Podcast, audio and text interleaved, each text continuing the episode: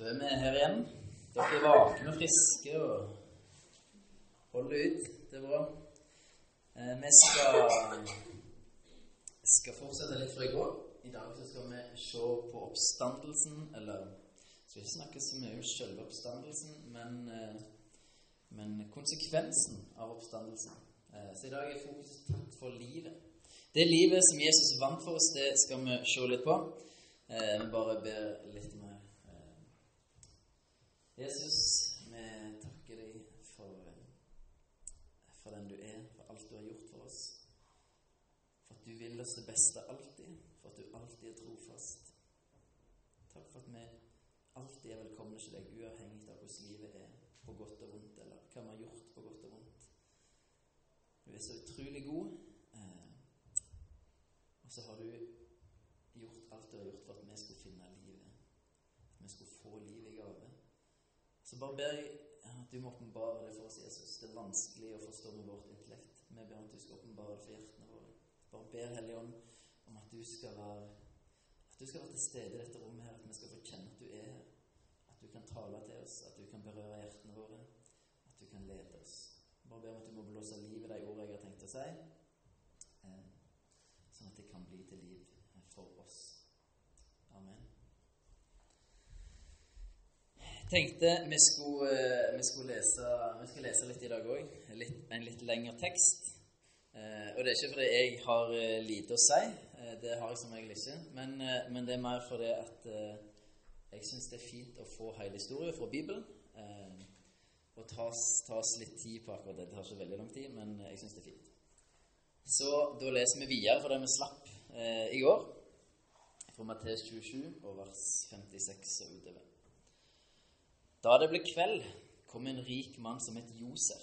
Han var fra Arimathea og var også blitt en disippel av Jesus. Han gikk til Pilatus og ba om å få Jesu kropp.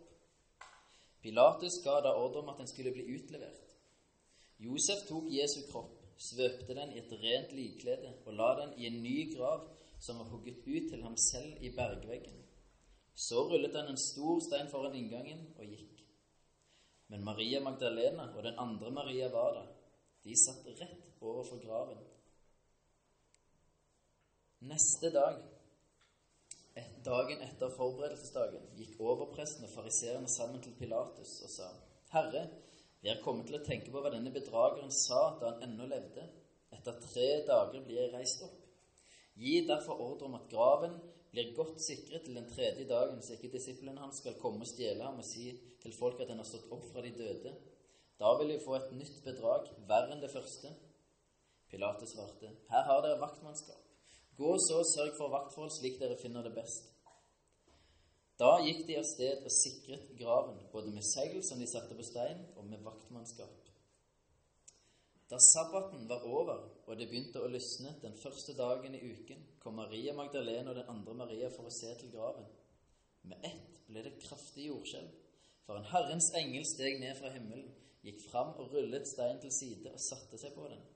Han var som et lyn å se til, og drakten var hvit som snø. Vaktene skalv av redsel da de så ham, og de ble liggende som døde. Men engelen tok til orde og sa til kvinnene, frykt ikke. Jeg vet at dere leter etter Jesus, den korsfestede. Han er ikke her. Han er stått opp, slik som han sa. Kom og se stedet hvor han lå. Skynd dere av sted og si til disiplene hans. Han er stått opp fra de døde, og han går i forveien for dere til Galilea. Der skal dere få se ham. Nå har jeg sagt dere det. Da skyndte de seg bort fra graven, redde, men jublende glade, og de løp for å fortelle det til disiplene. Og se, Jesus kom mot dem og sa, Vær hilset. De gikk fram og omfavnet føttene hans og tilba ham. Jesus sa til dem, Frykt ikke. Gå og si til mine brødre at de skal dra til Galilea. Der skal de se meg. Det var oppstandelses... Eh, eller ja, det som skjedde ved oppstandelsen, iallfall i henhold til Matteus. Og så er versjonene litt forskjellige, med litt forskjellige detaljer og litt forskjellige vinklinger. Men hvorfor er oppstandelsen så viktig? Én eh, ting er hva konsekvens det får for oss som mennesker. Det skal vi se på det livet som Jesus ønsker å gi oss. Men en annen ting er hva det betyr faktisk for kristendommen. Eh, For alt ved vår tro avhenger av oppstandelsen. Paulus han sier i 1. Korinterbrev, kapittel 15, vers 17.: Men hvis Kristus ikke er stått opp, da er deres tro uten mening, og dere er fremdeles i deres synder. Han sier at om oppstandelsen ikke skjedde, så har vi ingenting. Da, vi, da tror vi på noe tull. Oppstandelsen er bekreftelsen på at Jesus er den han sa han var. Oppstandelsen er det som gir legitimitet til alt Jesus sa og gjorde. Oppstandelsen er beviset på at Jesus er Guds sønn, at han døde for våre synder, og at han overvant døden, at han overvant ondskapen. Eh, og så er det spørsmålet hva vi tror på oppstandelsen, da. Eh, og dette her er det avgjørende punktet i trua vår. Det må vi være klar over. Det alt står og faller på. Skjedde oppstandelsen, eller skjedde han ikke? Eh, det alt faller på det. Og det som er så konge Jeg snakket litt med de eldste kidsa, eh, ungdommene, om dette i dag, om, om beviser, eller de, de argumentene som ble reist for å prøve å finne en naturlig årsak til det som skjedde. Men det som er fascinerende, er at alle tingene som vi kommer med, det blir avvist både av kristne teologer og ateistiske teologer. Eh. Og du skal være ganske sterk i de ateistiske tru for å benekte at Jesus står fra de døde. Alle bevis, alle, all sannsynlighet tilsier at det som sannsynligvis skjedde, var at Jesus sto opp fra de døde. Mange ateister sier ja, vi ser at dette er det mest sannsynlige. Vi velger å tro at noe annet skjedde, men vi vet ikke helt hva det er for noe. Vi har ikke noen gode grunner, men bare velger å tro at noe annet skjedde. Det syns jeg er veldig konge. Eh, jeg skal ikke snakke om noen beviser. Hvis du har lyst til å vite mer, mer om det, skal vi ta en prat etterpå. Poenget er alt peker på at dette ikke bare er overtro eller eventyr, men det er fakta. Det er basert på logikk. Eh, oppstandelsen er superviktig for trua vår. Eh, altså for kristne at det er sant. Men så er den ikke mindre viktig for livet vårt, vårt hverdagsliv, vårt liv eh, med Jesus. Og Jesus han sier sjøl i Johannes 14, 14,6.: Jeg er veien, sannheten og livet. Ingen kommer til Far uten ved meg. Ingen kommer til Far, sier Jesus. Og det står ikke 'ingen kommer til himmelen uten meg'. Ingen kommer til Far uten meg. Jesus er veien til en gjenoppretta relasjon med Far. Det som gikk galt i Edens hage. Jesus er veien til det. Det er det han prøver å oppnå. Himmelen er bare en videre for en konsekvens av akkurat det. Det Jesus prøver å få til her, er en gjenopprette relasjon til Far. I går så leste vi at når Jesus døde, så revna forhenget i tempelet. Og Det var det forhenget som skilte mellom det helligste og det aller helligste. Veldig kreative navn. Men, eh, men eh, det aller helligste, der var det kun øverste prest som fikk gå én gang i året for å ofre for folket sine synder. Der var paktkista. Der var på en måte Guds herlighet var i det rommet.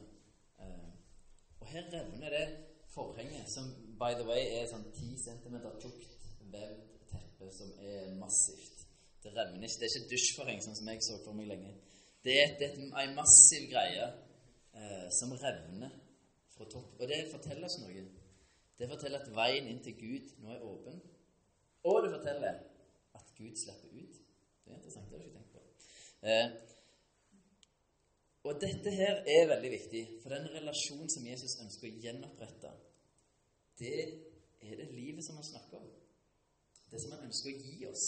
I Johannes 17 og vers 3 så sier Jesus og dette er det evige liv, at de kjenner deg, den eneste sanne Gud, og ham du har sendt, Jesus Kristus.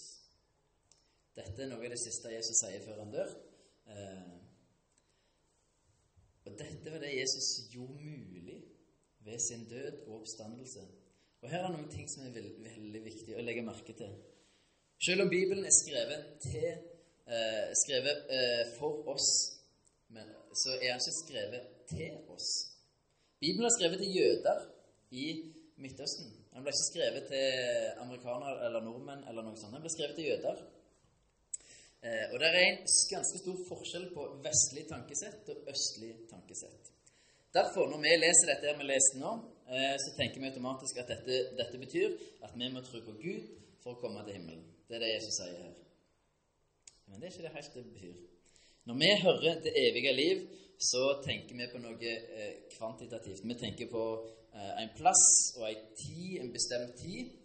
Eh, det er det evige livet. Det er en gang der framme, og det er en spesiell plass.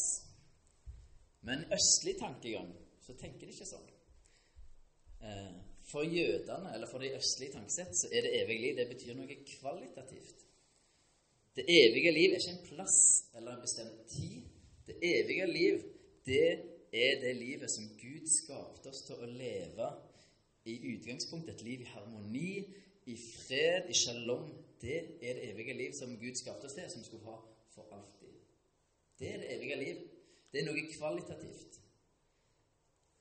Og så står det at det å, det å kjenne Gud Og det tenker vi handler om tru, men det er jo noe litt annet for deg. Ordet 'kjenne', som er brukt her, det er det samme ordet som Maria bruker når hun sier at hun kjenner Når engelen sier at hun skal få en sønn, så sier hun 'Ja, men jeg kjenner ingen mann'. Og bare, «Øh, jo, du kjenner Josef, hallo, han er forlova med deg, sant? Nei, nei. Ordet 'kjenne' betyr 'jeg har ingen seksuell relasjon' til noen. Det er det samme ordet som er brukt her. Altså, i Marias tilfelle er det noe så nært som sex. Men ordet 'kjenne' betyr en nær, en intim relasjon. Så hvis skal, vi skal oversette det sånn at, vi, sånn at, det gir mening, det som det var tenkt, så blir det noe sånn som at eh, Jesus sier at dette er et liv som gir harmoni, shalom og livskvalitet. At de har en nær relasjon til deg, den eneste sanne Gud, og Han som du har sendt, Jesus Kristus.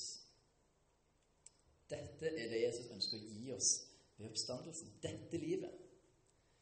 Det er det som han gjør mulig ved oppstandelsen. Det han ønsker at du skal få. Og relasjonen til Gud er starten på den relasjonen du får gjenoppretta med Gud, er det som gjør at det går an å gjenopprette de andre relasjonene. Og Da tenker jeg på din relasjon til deg sjøl, f.eks. Ditt sjølbilde. Hva du tenker om deg sjøl.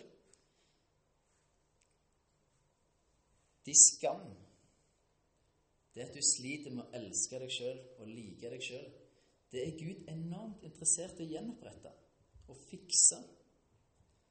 Han er kanonklar for å fikse akkurat det. Han står og venter. og Han, har lyst, han står og, og, og venter å gi deg det livet.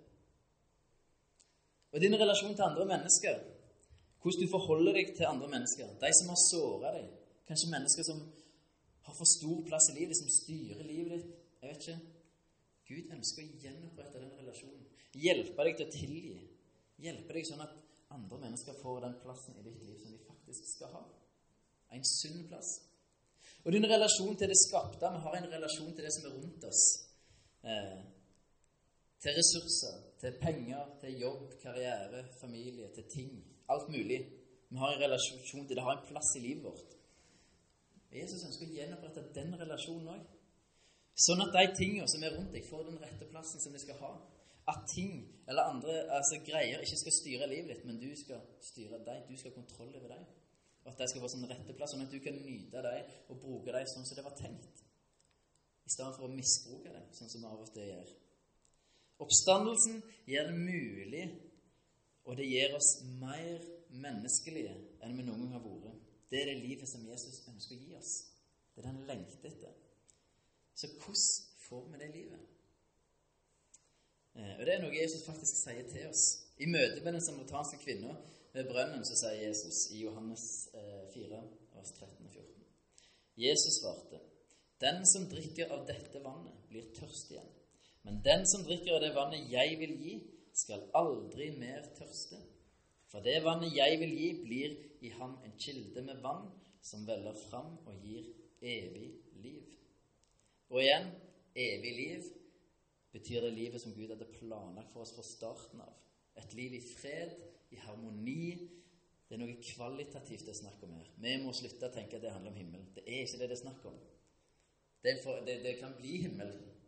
Men dette her er snakk om et kvalitativt liv her og nå, som begynner her og nå, som varer i all evighet. Og Jesus sier at han har det vannet det blir en kilde som veller fram i oss.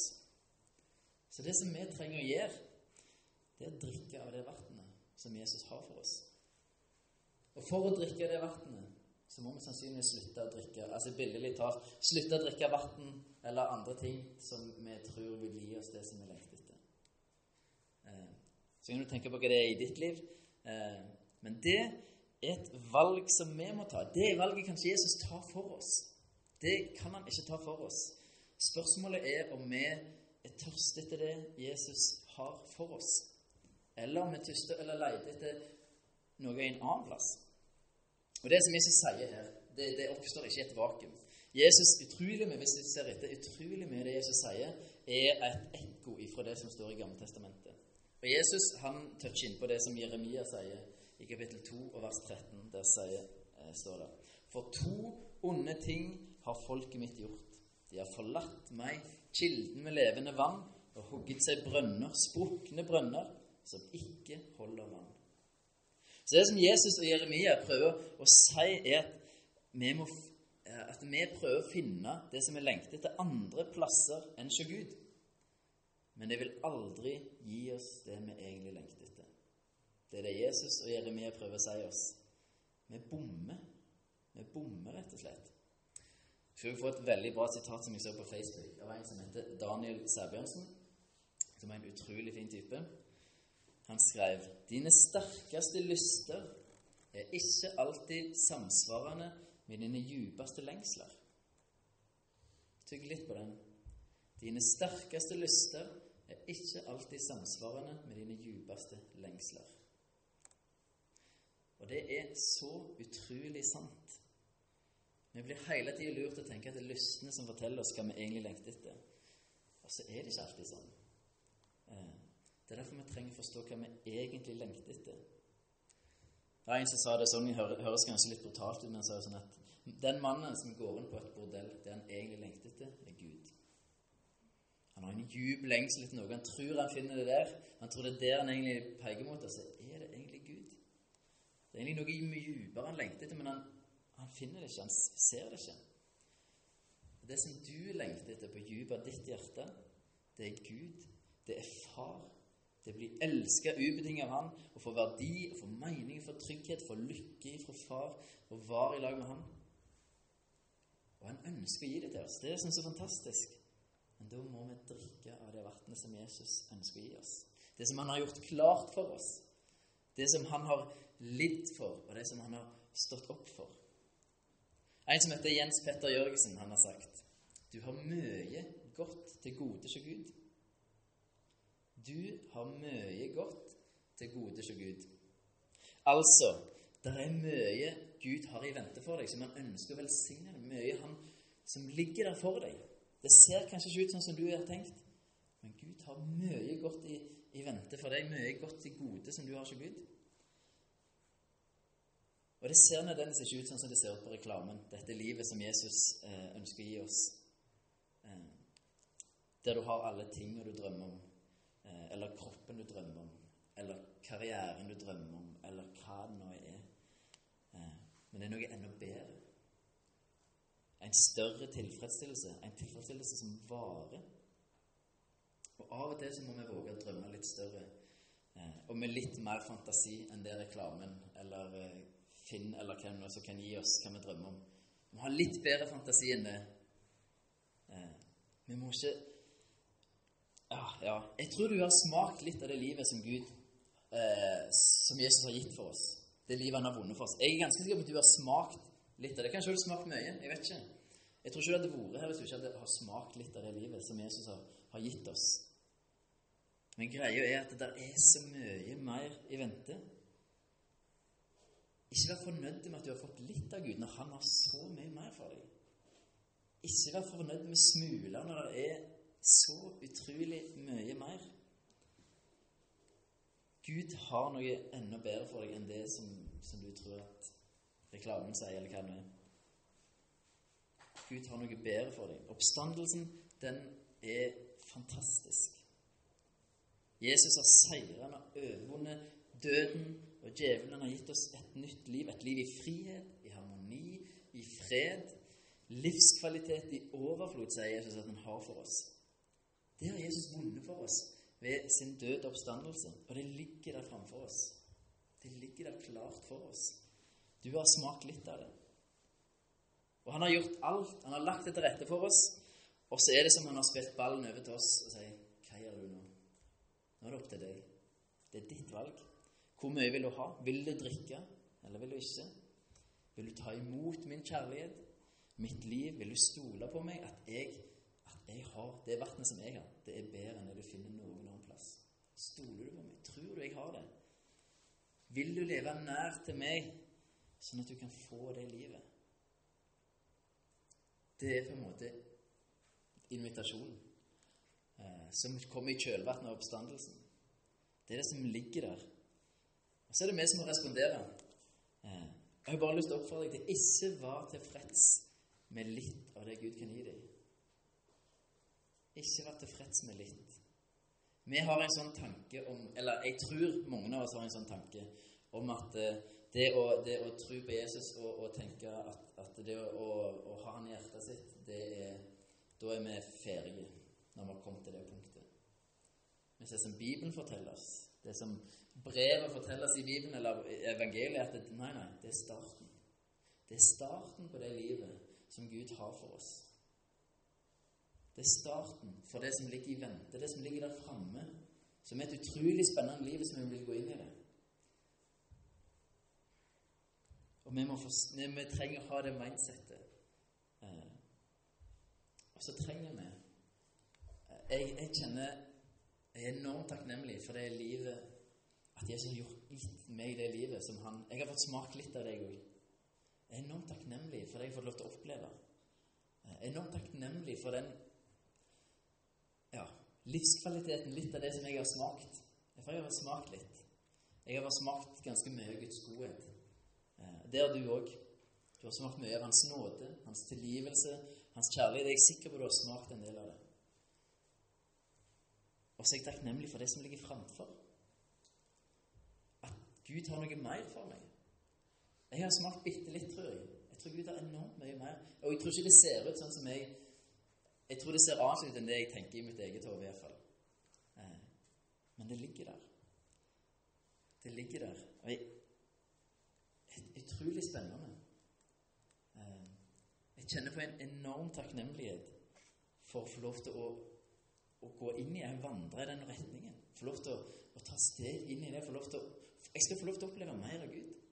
Jeg skal få oppleve mer av hva Han kan gjøre i mitt liv. Hva Han kan bruke meg til. Hva som kan skje rundt meg. Hva han, hvordan Gud er. Jeg skal få lov til å se mer på grunn det Jesus har gjort for ham. På oppstandelsen så ligger det et fantastisk spennende liv å vente på meg og deg. Og vi må ikke gå glipp av det. Ikke gå glipp av det. Selv om du er takknemlig for det Jesus har gjort for deg per nå, og var takknemlig for det, takk han, pris han eh, for den han har gjort for deg, for den han er, for at han er trofast, og for at han aldri glemmer deg. Han kommer alltid til å elske deg. Vær takknemlig for det. Men nå vær takknemlig for det som ligger framfor. For det som Gud har i vente for deg. Gled deg til det. Gled deg til at du skal få se det. Få oppleve mer av Gud. Få se mer av, av hva Han har for deg. Gled deg til det. For jeg tror det er helt fantastisk. Ikke vær fornøyd med smuler. Selv om du tenker at det er mer enn smuler du har fått. Jeg får misforstå meg rett. Det er et bilde. Men jeg bare, det er bare poenget at jeg tror det er mye, mye mer i vente. Det er et fantastisk liv som Jesus har vunnet for oss. Eh, og det er mye, mye, mye godt